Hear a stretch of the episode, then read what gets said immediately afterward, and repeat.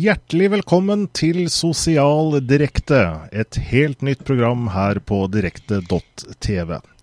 Hver onsdag fremover skal vi, og sammen med dere og sammen med gjester, prate om sosiale medier. Jeg er Jan Espen Pedersen, og til å lage Sosial Direkte er jeg ikke alene. Morten Myrstad har med sin deltakelse i sosiale medier gjort seg svært godt bemerket med sin innsikt. Og jeg er helt eh, sikker på at hans analytiske evne og bakgrunn både som journalist og som kommunikasjonsrådgiver vil komme svært godt med i programmene. Og Morten, du er med oss fra ditt kontor i Oslo. Og hvem er målgruppen for Sosial Direkte? Vi ser for oss at eh, programmet skal kunne være interessant for alle som jobber med sosiale medier, enten det er i byråene, konsulentselskapene eller også på eh, bedriftssidene, også i offentlige virksomheter. Samtidig så griper sosiale medier og sosiale nettverk inn i veldig store deler av vårt samfunn, egentlig hele samfunnet vårt. Det påvirker hvordan vi, vår atferd i forhold til oss som foreldre og som barn. Eh, så Derfor så kommer vi også til å ha et ganske bredt perspektiv på dette. Eh, vi kommer også til å se på hvordan sosiale medier eh, påvirker bedriftene på innsiden, altså det man kanskje i større grad kaller for social business. Så det er et ganske bredt felt vi kommer til å dekke gjennom programmet.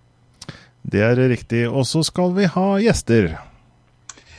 Gjester er nøkkelen, tenker vi, eh, i tillegg til at vi selvsagt skal eh, spre noen nyheter og analysere noen trender også oss imellom.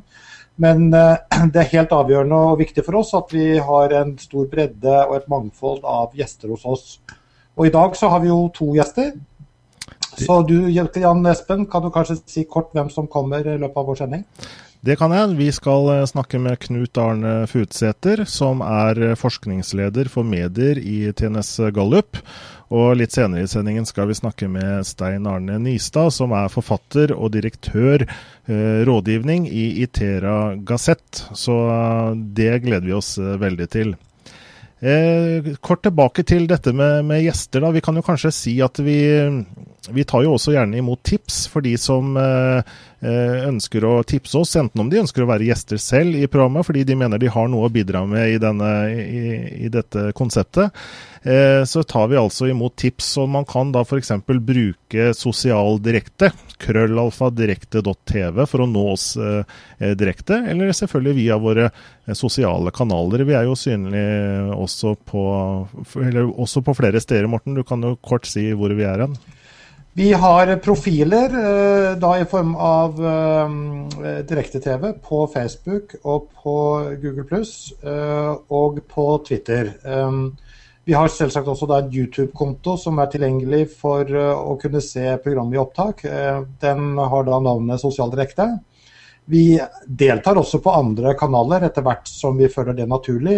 Det som er litt morsomt, er jo at vi inviterte til en, en tråd på uh, gruppen sosiale medier på LinkedIn, uh, hvor vi ba folk om å komme med forslag. Og den har blitt veldig veldig aktiv. Så der har vi jo fått veldig mange morsomme tips. Eh, så den kan man jo bare henge seg på, den tråden, hvis den skulle være relevant for folk. Mm, definitivt.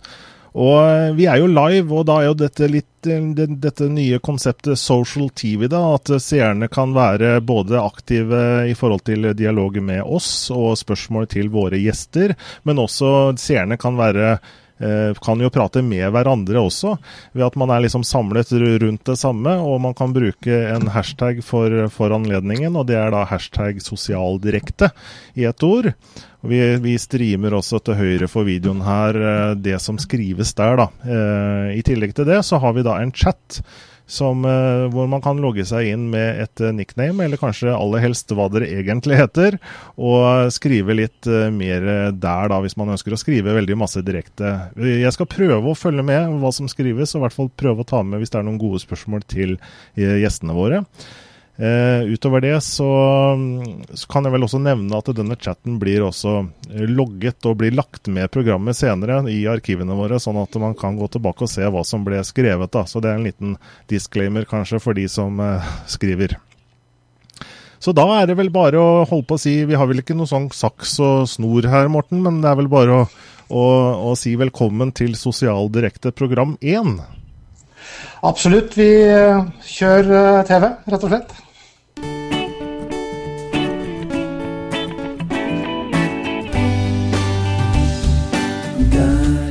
Følg Direkte-TV i sosiale medier. På Google Pluss, på Facebook og Twitter. Direkte hver mandag Dataprat. Direkte hver onsdag Sosial Direkte.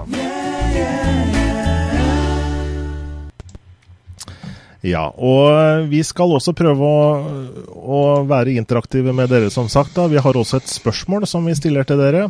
Eh, og i dag så, og det ser dere under her, ukens spørsmål heter det den eh, tabben. Og hvis dere går inn der, så har vi et spørsmål til dere, og vi ber dere være delaktige og svare hva dere synes. Det vi spør om, det er Hvilken utvikling venter du på sosiale plattformer de nærmeste par årene? Og Du kan svare enten Facebook vil fortsette å dominere, eller du kan svare Facebook vil møte konkurranse fra én større utfordrer.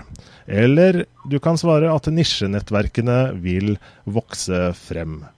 Og vi vil komme tilbake til, til svarene helt til slutten av sendingen og se hva dere som ser på Sosiale Direkte, hva dere mener om, eh, om det.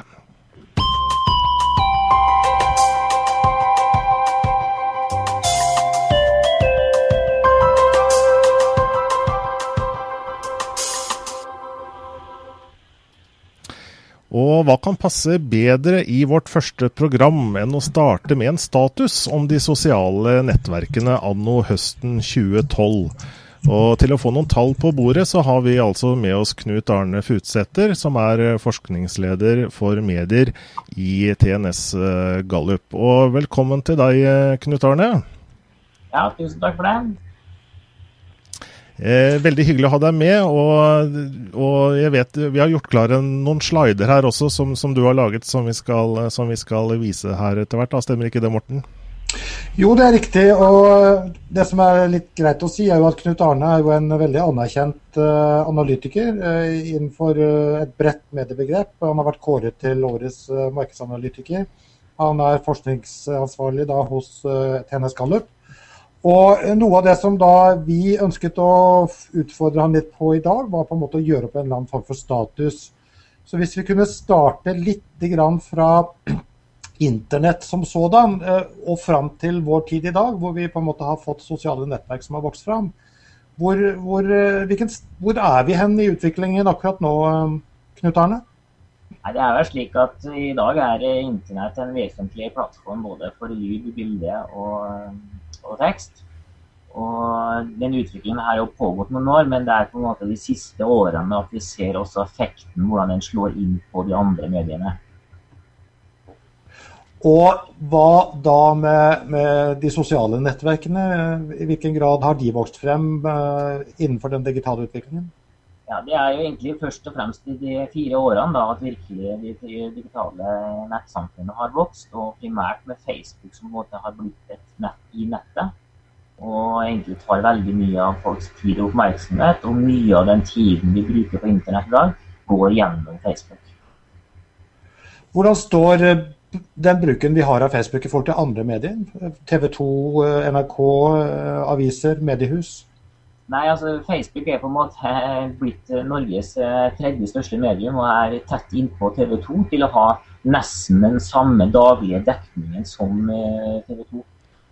Og jeg regner med at i løpet av det året her så vil faktisk Facebook ha en høyere dekning enn TV 2 blant hele befolkningen. Eh, I tillegg til det så har Facebook en ekstremt sterk posisjon blant yngre, hvor det er Norges desidert største medium.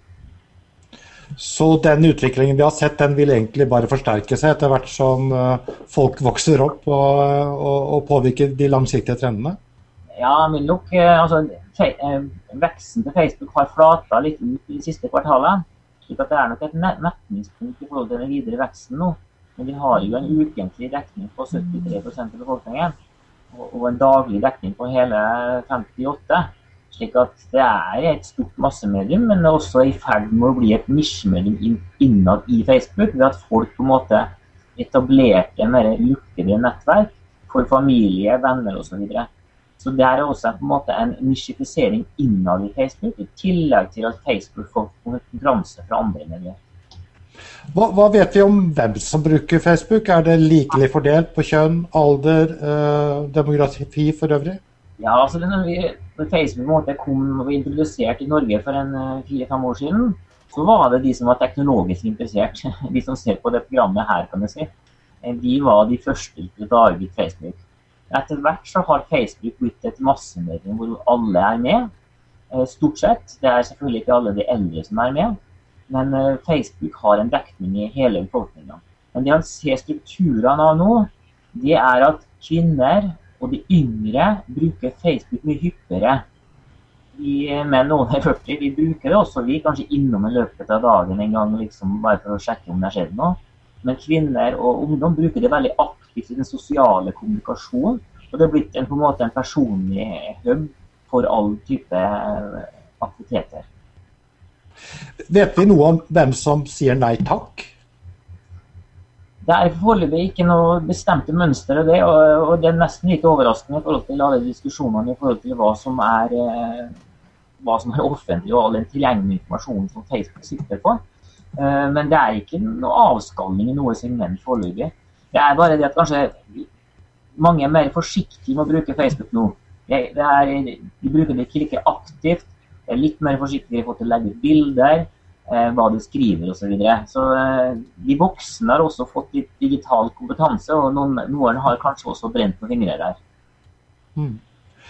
Så har vi en utvikling som går litt parallelt, eh, og det er utviklingen på mobil. Både i form av smartphone, i form av nettbrett. Hvilken betydning har det?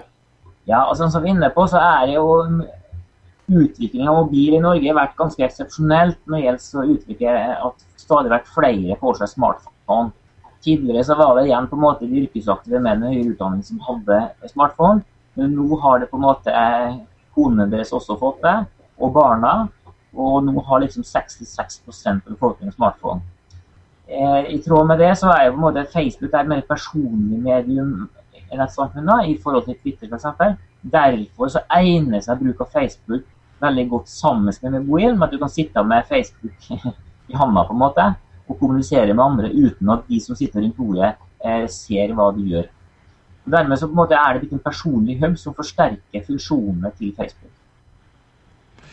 Vi har kanskje lest bl.a. i forbindelse med børsnoteringen til, til Facebook at uh, veksten på mobilbruk og mobiltilgang på Facebook har nærmest eksplodert, uh, nesten til overraskelse for Facebook selv. Uh, er det tilfellet også i, i Norge?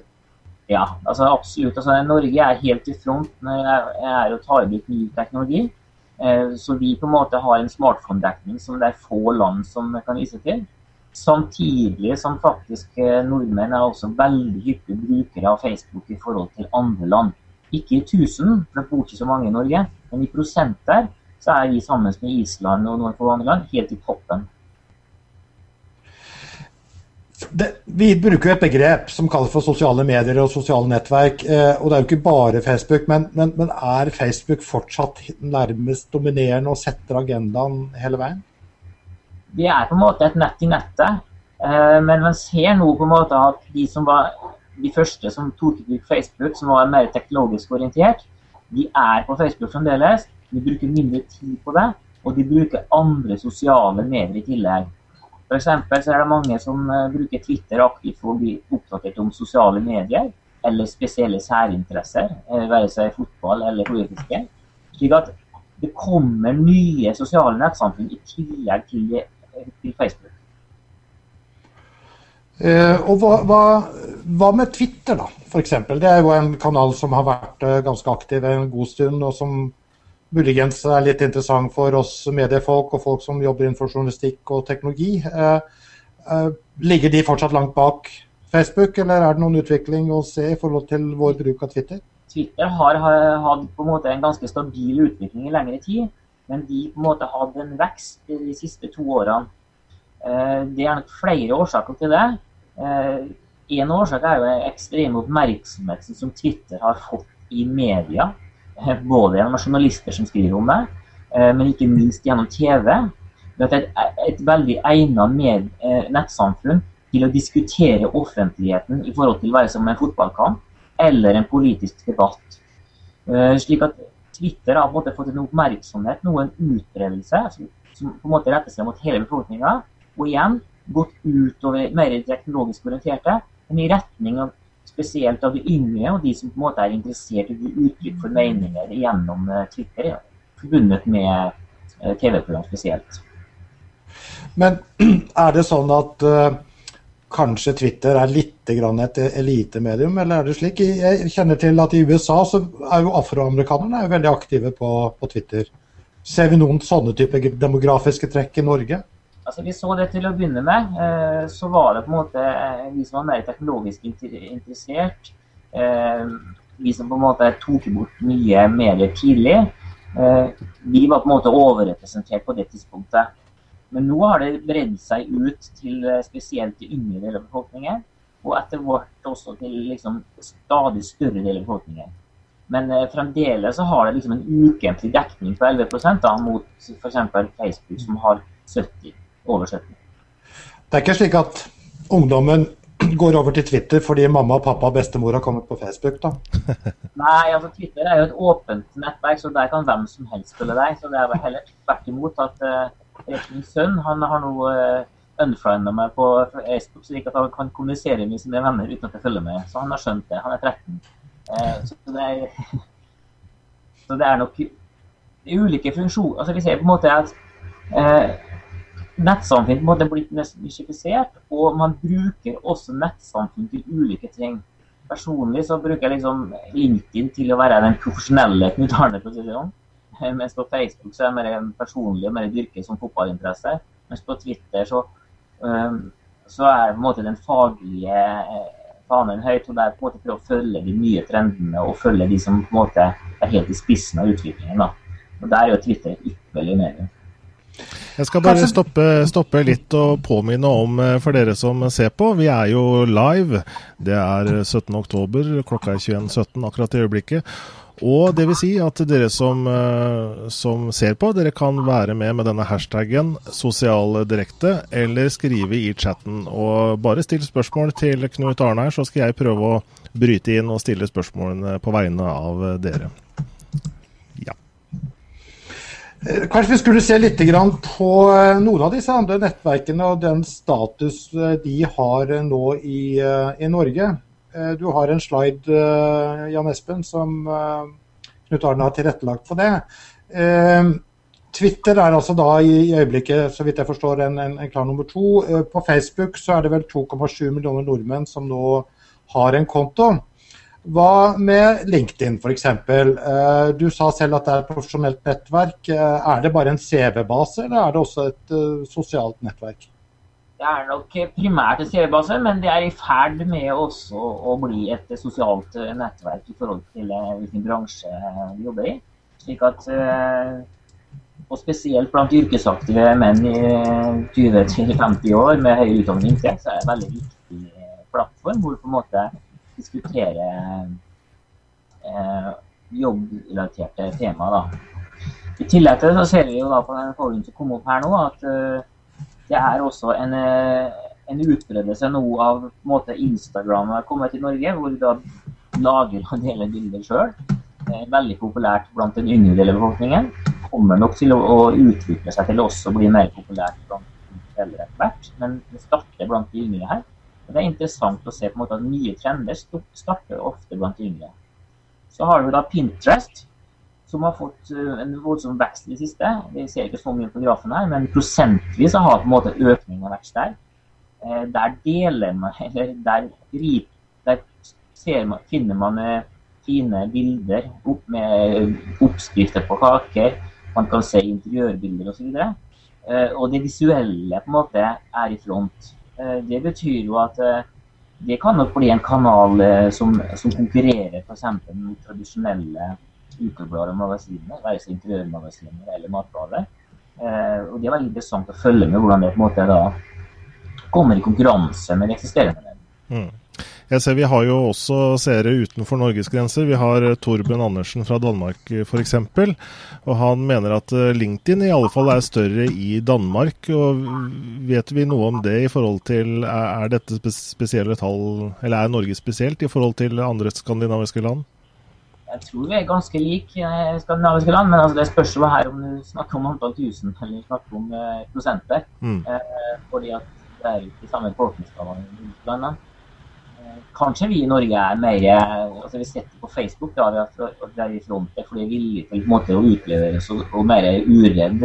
Kanskje også naiv, kan man si. Kanskje svenskene og danskene er mer profesjonelle og mer yrkesrettet. Det kan også ha med arbeidsløsheten å gjøre. Eh, mm. LinkedIn er veldig viktig i land eh, som har høy arbeidsløshet og har økonomisk krise. Vi har olje, og dermed har vi ikke det, liksom. Mm. I hvilken grad tror du at vi, vi på en måte har kommet til, eh, til, et stadium hvor sosiale medier er sydd inn i våre liv? Altså, er, det blitt et massemedium? Er det fortsatt et nisjemedium? Eller er det blitt en del av vår hverdag? Det er definitivt blitt av vår hverdag. Og det er spesielt Facebook som er en personlig hub, altså en interaktiv plattform hvor vi eh, deler bilder, vi avtaler hvor vi skal treffes, når vi skal treffes, vi tar bilder hvor vi er hen. Vi vurderer restauranter, reisemål osv. Og, så og vi ser det på internettrafikken også, at Facebook er en veldig stor del av det som trafikken utgjør. Uh, og nå på en måte ser en konturene av at det kommer mer nisjifisering både innad i Facebook, men også gjennom nisjemedier foreløpig, som LinkedIn og Pinterest osv. Det kommer helt sikkert mange aktører her framover. Hva så med vår bruk? Eh, altså, vi er jo ivrige brukere av sosiale medier, men, men, gjelder det på en måte i befolkningen som helhet? Og hvilke roller har vi i disse sosiale nettverkene? Det er nok en, en tendens at vi vil etter hvert finne ut eh, hva som er egenskapene med sosiale medier. Så, man sa i sted, så personlig, så kanskje er mer personlig virkelig vennskap på det sosiale på Facebook, mens du bruker det profesjonelle på LinkedIn. Og, men det er også forskjellige altså person, Noen vil på en måte på Twitter f.eks. kun følge komikere og, på en måte underholdningsperspektivet. Da blir jo Twitter en underholdningskanal. Eh, mens andre sånn nerdete som meg og der, skal vi eh, da vil i større grad kanskje følge de som bidrar med å opplyse om nye trender og teknologiske nyvinninger. Så vi bruker mediene forskjellig, selv om det tilsynelatende er lik. Men i sosiale medier så er det, er det på en måte med å forme mediets innhold sjøl. Fordi det er klart at eh, de som sier at Twitter er, det er bare bajas, det er bare søppel der, ja, det er jo dine venner. Altså hvis du har eh, bajaser og eh, dårlige venner, så blir jo også det medium på en måte et dårlig innhold i det mediet. Så Vi er i mye større grad på å forme innholdet i kanalene sjøl. Ut ifra hvem vi følger og hvordan vi kommuniserer sjøl. Men hvor mange av oss er det som er aktive? Hvor mange av oss er det som egentlig er mer konsumenter? Har, dere noe tall på det?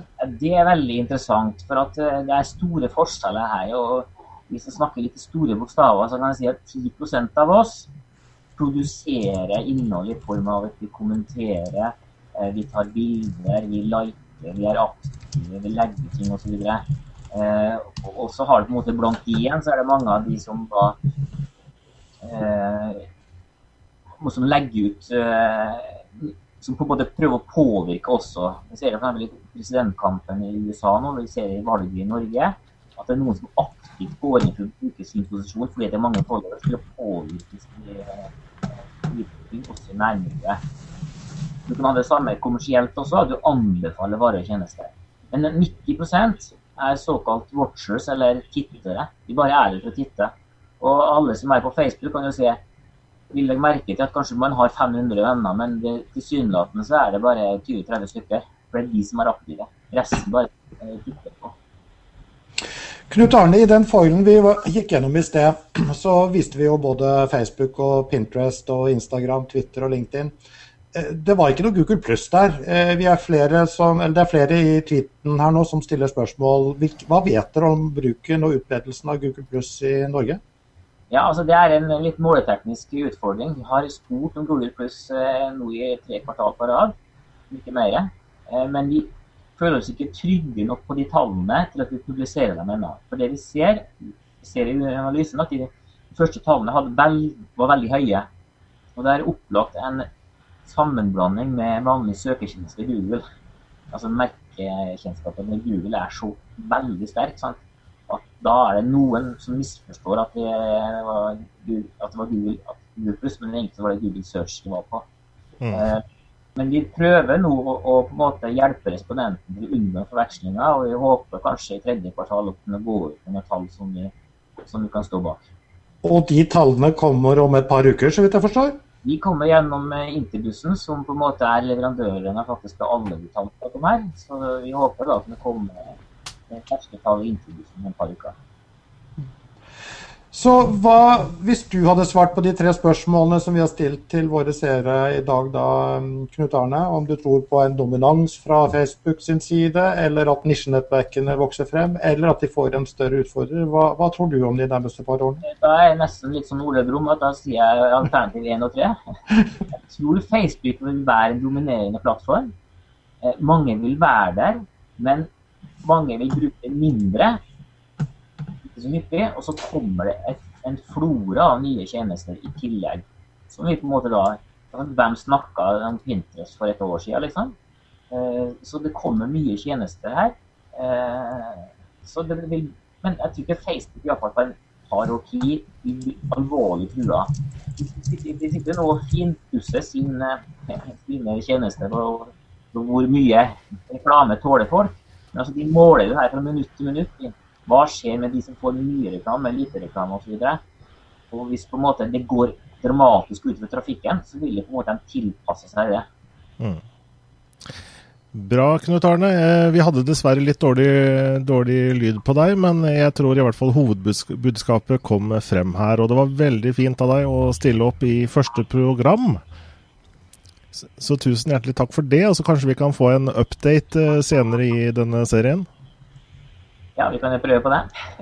OK, takk for praten. Takk for praten, Knut Arne. Tusen takk.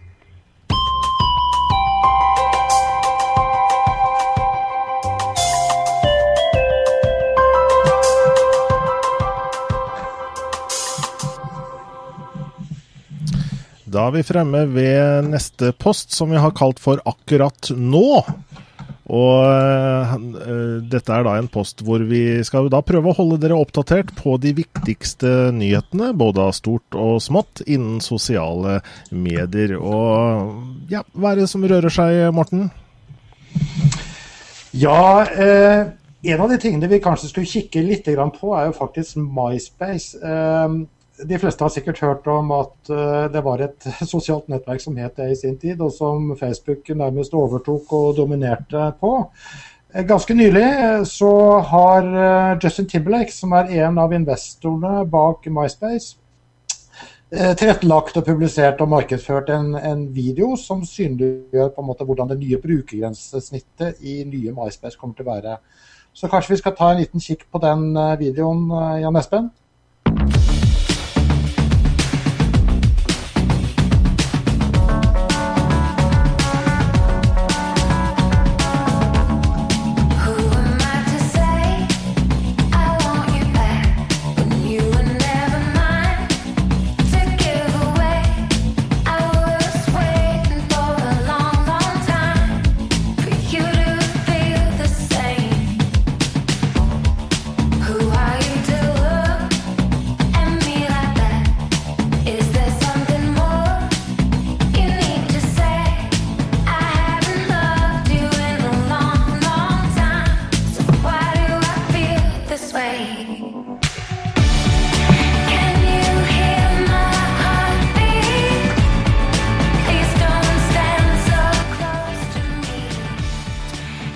Sånn ser det ut, eh, Morten. Det ser jo ganske fresht ut, da.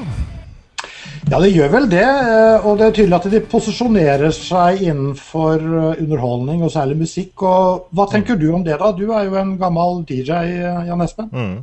Ja, altså, og, og, for musikere så har jo MySpace vært et veldig viktig sted, og, men har vel kanskje blitt mindre og mindre viktig etter hvert som på en måte publikummet går til andre steder. da.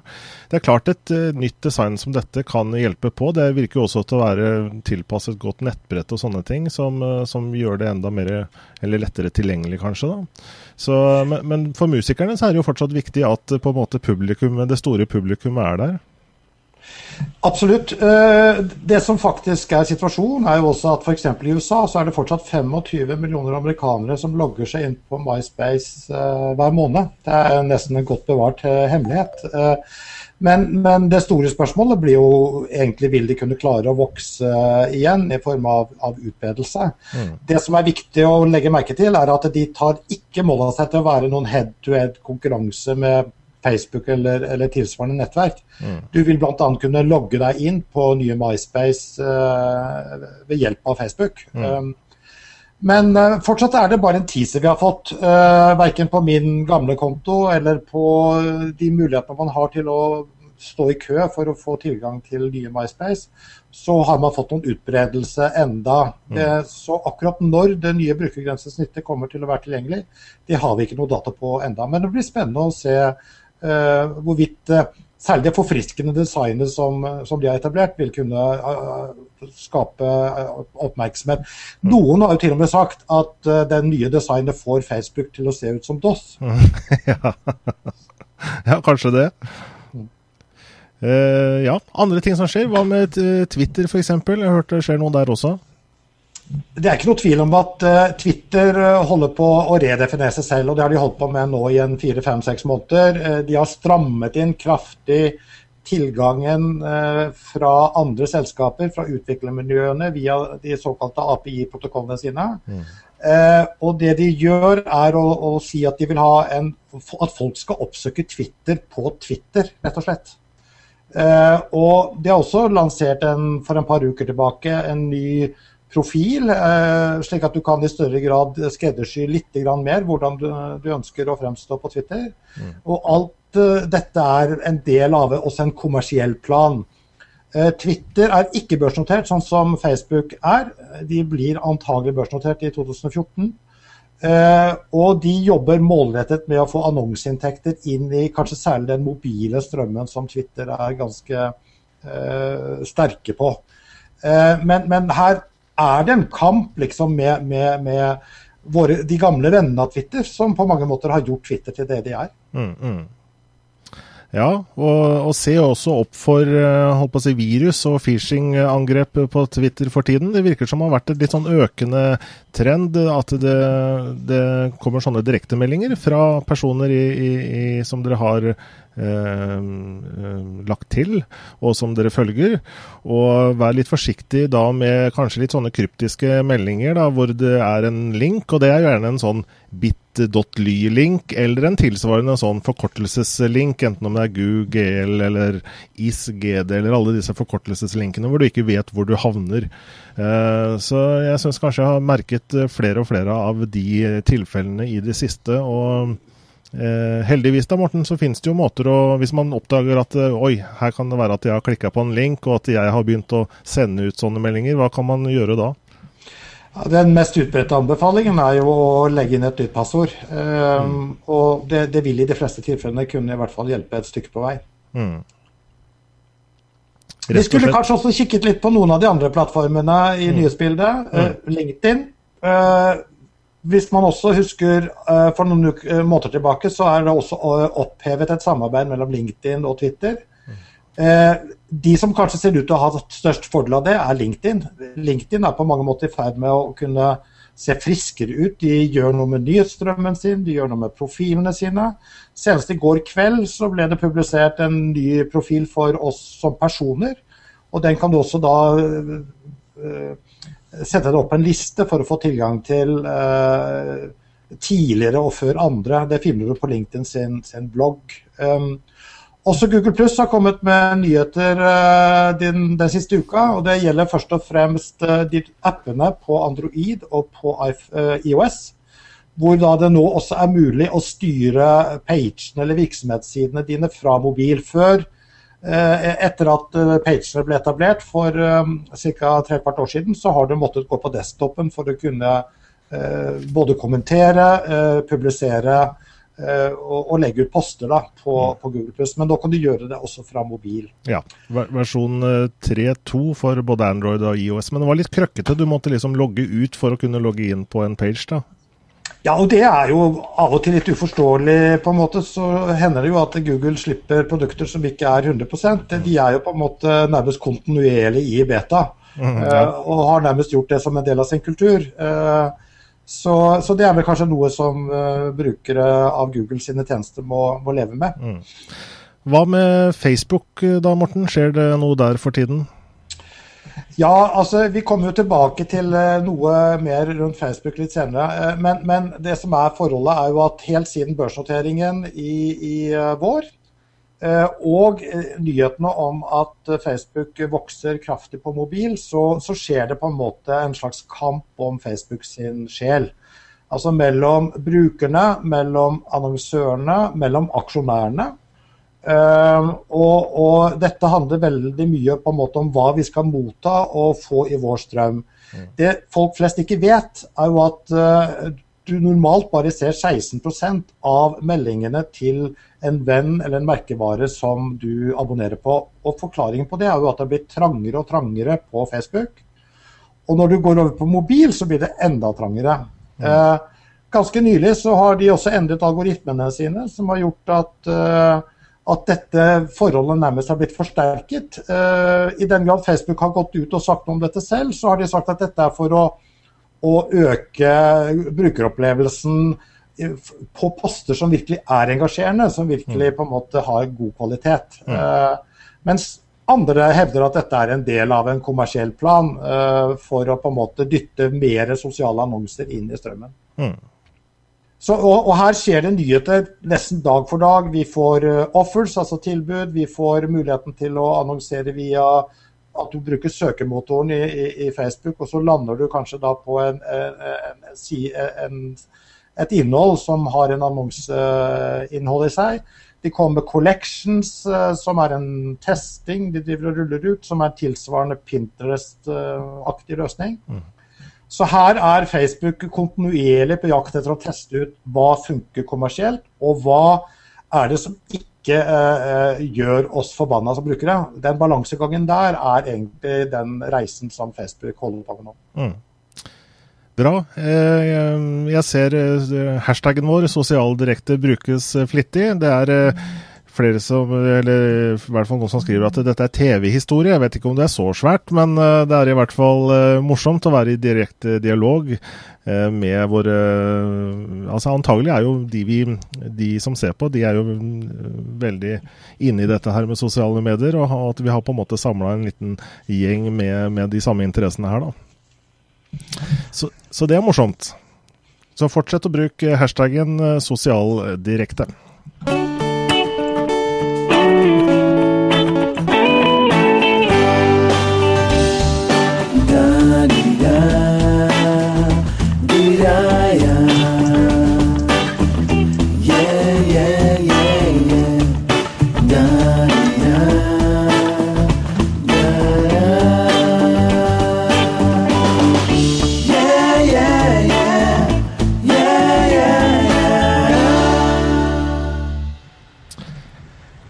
i tre, hvor skal jeg gå?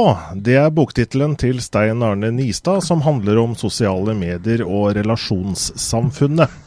Stein Arne jobber i Itera Gassett med strategier og muligheter knyttet til internett og sosiale medier. Og han er også leder for Dataforeningens faggruppe for sosiale medier. Stemmer ikke det, Stein Arne? Jo, alt dette her er helt riktig. Eh, jeg, alt det du sier. Jeg eh, jobber med internett Eh, sosiale medier. Jeg har skrevet denne boka og trives godt med den nye virkeligheten vi alle sammen har blitt en del av. Mm. Denne boka di, Sten Arne, jeg forstår at det, det, det, er jo ikke en opplæring på en måte i hvordan du lager Facebook-sider eller kjører annonser på Facebook. Men hva er det for slags bok? Det som eh, var utgangspunktet når vi begynte på dette og så på dette fagfeltet, det var jo det at eh, det er et sånt crossover-fagfelt hvor det er eh, vanskelig å bruke tradisjonelle og etablerte modeller. Så det var litt sånn Hvilken bok trenger jeg å lese, var litt utgangspunktet. Eller trenger vi å lese, altså dvs. Si fagmiljøet på Itera Kassett. Så da måtte vi se på altså, hvor finner vi inspirasjon, hvor finner vi impulser som vi kan bruke til å belyse dette fagfeltet. Fordi de gamle modellene holder på sett og vis ikke. Eh, så ideen var å skrive da, eller så vi hentet da impulser litt fra relasjonscoaching, fra samlivsterapeuter, fra tradisjonell kommunikasjon, fra litt teknologiske metoder. Eh, og så eh, var ideen å skrive en langt mer prinsipiell og konseptuell bok rundt hva dette er. Ikke bare en sånn lærebok i hvordan du utfører bestemte handlinger, det, eller å sette opp bestemte sider, for det er for så vidt den trivielle siden av det. Eh, vi var ute etter å prøve å belyse de eh, mer overordna linjene. Hva er det som skjer både med oss som individer og med samfunnet vårt, og ikke minst med virksomheter og organisasjoner. Og Der bruker du et begrep som du kaller for relasjonssamfunnet. Hva er relasjonssamfunnet i forhold til jordbruk, industri, informasjonssamfunnet? Altså jeg pleier å si at vi har hatt eh, noen store revolusjoner, teknologiske revolusjoner opp gjennom tida. Du har hatt eh, PC-en som kom i 1981, du har hatt Internett i, eh, i 1995, og så har du da på en måte Facebook i 2005. Og Sånn sett så er det jo et veldig rart å kunne bruke, eller kanskje det virker litt selvmotsigende å bruke et, et begrep som relasjonssamfunnet, fordi ethvert samfunn er jo da fundert på relasjoner.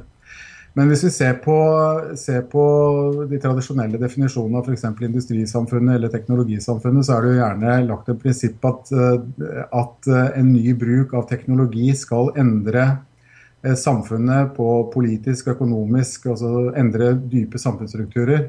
Og det som eh, denne boken da hevder, er at, eh, at eh, relasjonssamfunnet, altså den måten vi samhandler på, den måten som vi dokumenterer nettverkene våre på, at det er en såpass stor fundamental endring at den endrer dypt og fører til ganske dramatiske konsekvenser på noen plan. Altså, vi har sett det i den arabiske våren, vi ser det på Obama, vi ser det at vi endrer samhandlingsstrukturer. Vi tar beslutninger annerledes enn vi gjorde før. Så det, så det, er, eh, det er en veldig fundamental og veldig stor endring som eh, relasjonssamfunnene etter min mening da introduserer. Om det er like stort som de andre revolusjonene, det får vi se. Men jeg, jeg har vært med en stund, og jeg eh, synes vel at, at uh, idet vi begynner å endre dypt og fundamentalt på samhandlingsmønsteret globalt, så tror jeg at det kanskje er noe av det mer dramatiske vi kan foreta oss. Sammen med en eh, mobilitet som gjør at vi egentlig kan være uh, virkelig til stede i disse kanalene uh, overalt og til enhver tid. Relasjoner er jo et veldig sånn menneskelig begrep. Én til én tenker man kanskje veldig ofte. Uh, kan vi ha en relasjon til en merkevare, til et produkt, til en tjeneste? det er vel også det som er det nye her. da, altså hvis eh, altså eh, disse samlivscoachene og samlivsterapeutene de snakker om relasjoner som en egen entitet. altså I en relasjon så er det alltid minst to parter. og For at eh, relasjonen skal leve og fungere, så må den eh, faktisk være eh, gjensidig. Dvs. Si at begge partene må ha eh, både nytte og effekt av den relasjonen. Eh, sånn at, eh, at hens, altså, Relasjonsbegrepet betyr at kan, man kan se på relasjonen som en slags tredje entitet i eh, relasjonen mellom to. og det er klart at En merkevare eller en virksomhet kan ha, en, eller har relasjoner til sine kunder. Og eh, de kan bli ganske sterke, de kan nesten bli kjærlighetsfylte. Sånn som f.eks. iPhone. Også, det er vel uh, mennesker som heller ville skilles fra uh, kona si enn fra iPhonen sin. sånn at uh, du kan få veldig veldig sterke bindinger også på produkter og tjenester. Som, eh, som er å sammenligne med, med relasjoner. Og, og ja, med, mellom mennesker. Hva, hva, gjør dette med måtene bedriftene kan og bør kommunisere på? Det, det der er et veldig vanskelig spørsmål. fordi Eh, det det gjør, er at det endrer spillereglene såpass dramatisk at, eh, at, at kanskje ikke koden helt er knekt ennå. Eh, Brian Sollis har jo skrevet en bok som heter 'The End of Business As Usual'. og Han sier at dette, altså den måten vi samhandler på og den måten vi skaper relasjoner på, er såpass, en såpass fundamental endring at det endrer hvordan vi tar beslutninger. Både i forhold til, eh, til, produktkjøp, men også kanskje politisk, eh, den type ting. Eh, og, og det betyr jo at, at, dette med å bryte inn i den sfæren blir vanskeligere og vanskeligere fordi vi faktisk definerer oss som kjernen i vårt eget nettverk. Og hvis, eh, hvis, du da skal komme inn med en produkt eller tjeneste, så må du ha noe som, å by på som faktisk er relevant for mottakeren, og som gjør det meningsfylt å opprette en relasjon til den som prøver å, å, å etablere en relasjon til deg. Og det gjør du ikke med tradisjonell markedsføring, fordi det faktisk ofte kan bli oppfatta som støy. Så dette her er et veldig komplisert bilde som endrer de tradisjonelle markedsføringsstrategiene ganske dypt og gjennomgripende, tror jeg. Du, du, opererer jo med et slags relasjonsmålgruppebegrep også, som nærmest er et alternativ til vanlige demografiske måter å se ting på. Kvinner, menn, alder, kjønn, interesser. Hva, hva, hva er det? Ja, det er eh, altså eh, Vi gjorde noen eh, Eller jeg jobbet med ganske store virksomheter og, og, og sett på altså, hva er det som kjennetegner de relasjonene du skaper til kundene dine. Eller til de du skal ha, prøve å etablere en relasjon til. Og Ofte så prøver man da å lage personas eller en eller annen målgruppe som, som, definerer disse behovene ut fra en eller annen forestilling om at alle kvinner over 40 har det samme behovet. Mens et, et, eh, behov er jo et behov du har, kan, uavhengig av hva slags demografisk tilhørighet du har. Et eksempel er 'jeg vil kjøpe bil'. Altså, det har ingenting med demografi å gjøre. Det har rett og slett med et behov for å kjøpe bil. Og det vi så var at Hvis man gjør noen analyser på disse virksomhetene, så går det an å finne fram til nokså spesifikke behov som de du skal eh, etablere en relasjon har, eh, har. Og det handler da om å prøve å finne mekanismer og lage et tilbud som fyller de spesifikke behovene, istedenfor å kartlegge all verdens demografiske og andre variabler som egentlig ikke er, har så veldig mye hva det egentlige behovet er. For på et, la oss ta et flyselskap, da, så, så, kan du si at de som vil kjøpe billetter, har ett behov. De som skal finne igjen bagasjen sin, har et annet behov. Og det er altså noe som er knytta til helt spesifikke behov, ikke til hvem du er, eller hvor gammel du er, eller hvor du kommer fra, eller hvor mye penger du tjener. Jeg har forstått det slik at boken også ikke bare fokuserer på kommunikasjon. eller Dette relasjonsbegrepet har ikke bare med tradisjonell kommunikasjon å gjøre. Det påvirker også virksomheten, enten det er offentlig eller privat, på innsiden. Hva, hva, hvordan gjør det det? Det, altså, hele utgangspunktet for denne boken er jo det at uh, altså, jeg syns ikke uh, sosiale medier har så veldig mye med Facebook eller Twitter å gjøre. Det høres veldig, kanskje litt overfladisk ut.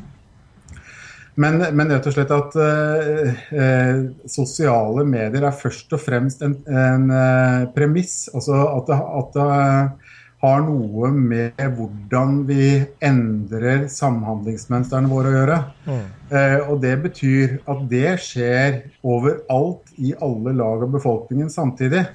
Og Det betyr at eh, en, en, virksomhet eh, vil bli påvirket både eksternt, i form av at kundene og de du har eh, og partnere og alle de begynner å agere annerledes, men det vil også bli påvirket av hvordan de ansatte faktisk, faktisk endrer sin atferd.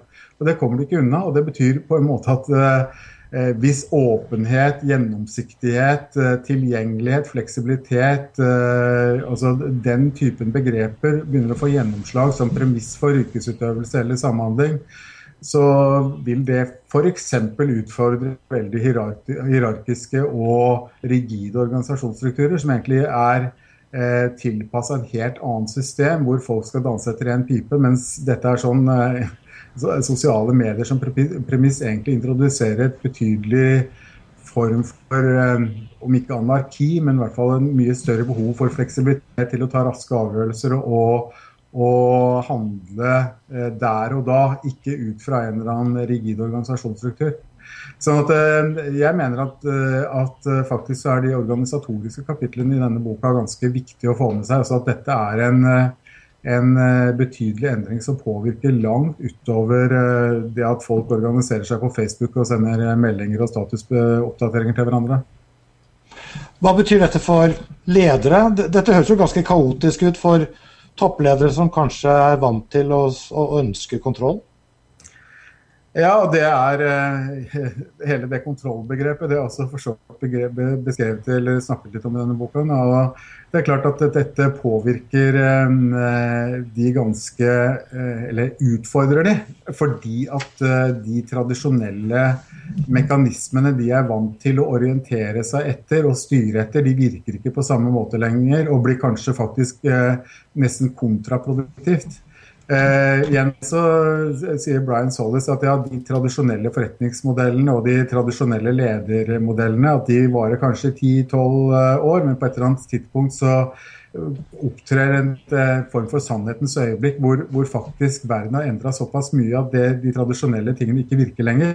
Og Det har bl.a. sammenheng med at eh, folk som er født etter 1978 omtrent, altså de er så eh, digitalt innfødte at eh, de eh, mekanismene som vi oppfatter som nye og spennende, eh, for de er helt naturlige og, og, like naturlige som vi bruker telefon eller e-post. E altså, og, og det, det, er klart at dette gir store utfordringer for tradisjonelle måter å tenke på. Det blir rett og slett en mye større dynamikk og en mye større større uro i form av en slags kommunikasjonsentropi, som også jeg snakker litt om i denne boken. Så den som ønsker å bli inspirert til å vite litt mer om hva relasjonssamfunnet er for noe, og det er så vidt jeg forstår like gjerne rettet mot folk som ikke jobber med sosiale medier, det kan være ledere, det kan være folk som har eh, noe med organisasjonsutvikling å gjøre. Men det siste jeg må spørre deg om, eh, Stein Arne, det er jo, du har jo kalt boken din for 'Katt i treet'. Hvor skal jeg gå? Hvor i all verden kommer denne tittelen fra? Det er jo ikke akkurat den eh, optimale markedsføringstittelen, kanskje. Mindre du er veldig interessert i å, å, å, bli litt nysgjerrig. Men det handler altså om Alice in Wonderland som, eh, som eh, gikk ut i skogen og møtte denne katten oppi treet. Så spør hun katten kjære katt, hvor skal jeg gå herfra? Og så sier katten ja, det kommer an på hvor du skal. Og da svarer Alice at ja, det vet jeg ikke helt. Og da sier katten ja, da, ikke, da, spiller det ingen rolle hvor det går. Og hele inspirasjonen er egentlig at vi lever i en tid som er såpass eh, dynamisk at jeg er veldig usikker på om katten i det hele tatt har rett. Altså, jeg tror at prosessene og bevegelsen og endringene er det som er viktig å få med seg, ikke nødvendigvis å definere et veldig langsiktig mål som du skal nå om tre-fem år. Da er verden helt annerledes i alle fall, så da er det egentlig viktig å være her her og nå og på en måte leve med de premissene og de mulighetene som utvikler seg gjennom det som skjer. Så det er eh, direkte foranledningen til den Katt i tre-tittelen. Jeg vet ikke om jeg hadde gjetta meg til det, altså. Nei, men det er jo en spennende tittel, håper jeg. ja, ja, ja, absolutt. Stein Arne Ja, unnskyld? Nei, den huskes òg. Ja. Altså at den i hvert mm. fall eh, prøver å stikke seg litt ut. Og, det er jo, og Hele boken er jo en litt sånn eh, underlig bok. Den er både en filosofisk og en, eh, en modellmessig og en teknologisk reise. Så mm, jeg håper de som leser den, liker den. Mm. Stein Arne Nistad, du er jo da forfatter, og du er altså direktør rådgivning i Itera Gassett. Tusen takk skal du ha. Tusen takk skal du ha, Stein Arne. Veldig hyggelig å få være med.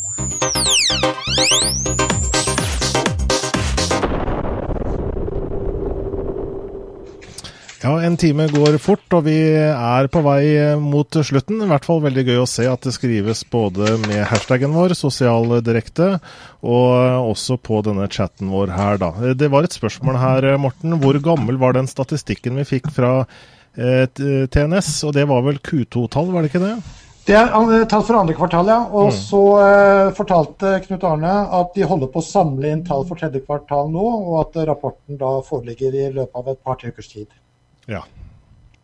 Så skal vi se litt på hva dere har svart da, på denne uhøytidelige spørreundersøkelsen vår, hvor vi altså spør eh, hvilken utvikling venter du på sosiale plattformer de nærmeste par årene. Og vi kan zoome inn på hva som er svart her.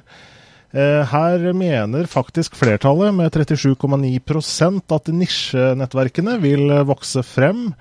Og 34,5% sier at Facebook vil møte konkurranse fra én større utfordrer. Og det var da i mindretall i forhold til at man tror at Facebook vil fortsette å dominere. Er det overraskende, Morten? Ja, jeg syns faktisk at de, de svarene var, var, overraskende. Også når vi tar tilbake til tallene til, til um, Knut Arne.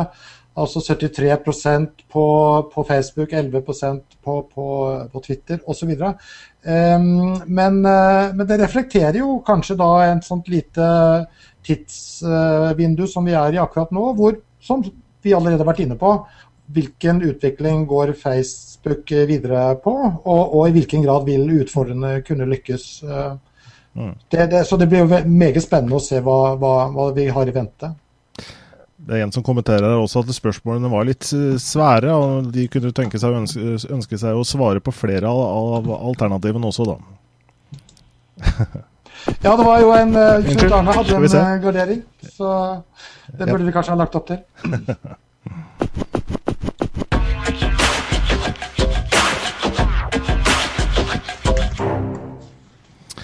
Så skal vi se litt på det som skjer i både resten av denne uken og, og, i neste uke, fram mot neste sending. Og da skal vi på en måte ta opp det vi plukker opp av, av både events som skjer i Norge og utlandet. Og vi kan jo kanskje begynne med utlandet i forhold til noe, noe regnskapstall. Vi er jo inne i Q4, og det betyr vel at noen Q3-tall er klare snart, Morten? Ja, før vi har vår neste sending, altså neste onsdag, så kommer både Google og Facebook til å komme ut med tall for tredje kvartal. Eh, Google kommer allerede i morgen. Eh, det som kanskje har gått mange hus forbi, er at faktisk at Google har økt aksjekursen sin med 30% siden i sommer, på samme tid som Facebook-aksjen har stupt. Eh, forklaringen ligger på at man har sett at Google fortsatt lykkes veldig bra med betalt søk, at de også lykkes på displayannonser, og at også de vokser på YouTube. Mm. Eh, så det er vel det som kanskje vi venter å høre i morgen, om, om, de spekulasjonene på en måte lar seg bekrefte eller ikke. Så blir det også spennende å høre om de kommer ut med noen nye tall eh, på engasjement eller på, på oppslutning rundt eh, den sosiale plattformen Google De siste offisielle tallene vi har hørt der, er at de har 400 millioner brukere på global basis som har en konto. Eh, men hvor aktiviteten da varierer ganske betydelig. Og, men hvor det er da ca. 100 millioner mennesker på globalt nivå som, som bruker plattformen eh, månedlig. Så det, det, er i, det, er i, morgen. Uh, tirsdag kommer Facebook med sine tall. Da Facebook la uh, fram tallene for andre kvartal, så forsøkte for så vidt da Mark Zuckerberg og, og hans administrerende direktør og finansdirektør å, å, legge til grunn en tillit i forhold til at de var i gang med sin mobile strategi. Men aksjekursen stupte etter uh, andre kvartal. I det siste så har den stabilisert seg. Mark Zuckerberg var på en stor uh, IT-konferanse i San Francisco for tre uker siden.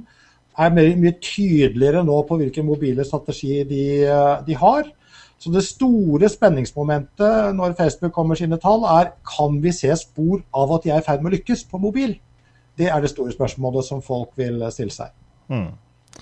Og så til, eh, til, Norge, da. Hva skjer i Norge? Blant annet eh, så er det en stor innovasjonsuke som foregår eh, nå i, i Oslo. Ja, det er øh, Oslo Innovation Week, øh, som da foregår fra mandag til og med fredag. Hvor det er også 30-40 forskjellige arrangementer. Man regner med at det er ca. 3000 mennesker som kommer til å delta. Så det er på en måte social networking in real life, da, for å kalle det mm. det. er veldig mange teknologimiljøer øh, som presenterer seg i de ulike sammenhengene. Facebook er med på et gründerseminar oppe i Forskningsparken i morgen. Og så er det også et spennende kar som dukker opp uh, på rådhuset i morgen kveld, uh, Jan Espen? Ja, stemmer. Eh, det er Tim Berners-Lee, selveste grunn, grunnleggeren, holdt jeg på å si, men han som fant opp World Wide Web, er til stede der. Og det blir nok morsomt å se han igjen. Han har jo vært i Norge tidligere også. Eh, andre ting som skjer i morgen, er jo noe som heter eh, Gullkorn på Theatercaféen. Hva er det for noe? Det er en pris som deles ut av en bransjeforening som organiserer det man normalt kan kalle for PR-rådgivere. Eh, I gamle dager het foreningen NIR, eller Norske informasjonsrådgivere. Nå heter den KOM, og den har strammet inn reglene sine. Men det er de som står bak da, en prisutdeling som heter Gullkorn. Da konkurrerer byråene i syv ulike klasser. Mm. oppslutningen eller antall påmeldte bidrag er, er, er, mindre enn i fjor, og det skyldes denne innstrammingen. Så det, det, som kommer til å bli spennende der, er å se om det er noen kampanjer eller noen uh, aktiviteter som har en sosial dimensjon. Mm. Uh, det er i hvert fall det som vi kommer til å lete etter. Mm. Og så skjer det ting i, i Kristiansand, nemlig høstseminaret.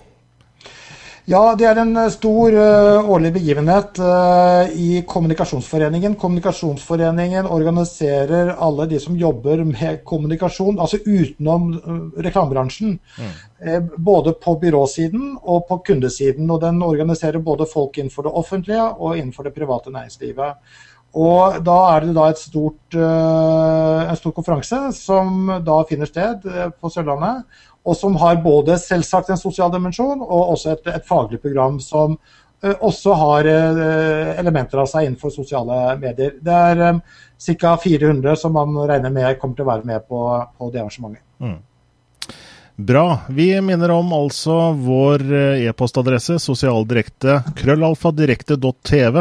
Hver onsdag så er vi live fra 21 til 22, og vi tar gjerne imot tips. Og du som ser på, hvis du mener du Eller hvis du ønsker å være med, så hører vi gjerne fra deg. Og allerede så er det jo ganske stor interesse, ser jeg her, da, både på chatten og på Twitter. Og jeg ber jo litt om forståelse også for at ikke vi rekker å på en måte plukke opp alt som skrives her. fordi at vi det er deg og meg, Morten, og vi er live, og alt skjer på en gang. Men vi prøver å få det med oss, i hvert fall det meste. Og vi skal prøve å svare mye i ettertid her også. Vi er jo, vi er jo på en måte sosiale med kundene, med seerne våre, både eh, før sending, under sending og etter sending. Det er også et spørsmål her fra, fra J om plattformen i bunn og grunn for sendingen er Google pluss Hangouts. Og Ivar svarer ganske riktig her at vi veksler med å bruke både Google pluss eh, Hangout og Skype litt, ettersom hva våre gjester eh, foretrekker, da. Vi er tilbake om en uke. Hvem kommer da, Morten? Da har vi besøk bl.a. fra Edgar Waldmani, som er markedsdirektør i Dataforeningen. Mm. Eh, og så har vi også besøk fra um, Olav uh, Det er selve uh, gründeren i Fanbooster, Olav Eggum. Uh, Fanbooster er da et verktøy som brukes bl.a. til å styre aktiviteter på Facebook. Eh, Valdmani, som jeg nevnte kort, eh, han er også en eh, viktig person i forhold til med høy kunnskap om LinkedIn. Mm. Så begge de to gjestene kommer vi da til å ønske velkommen neste onsdag. Bra. Og jeg gleder meg allerede. Det gjør jeg også. Ha det bra.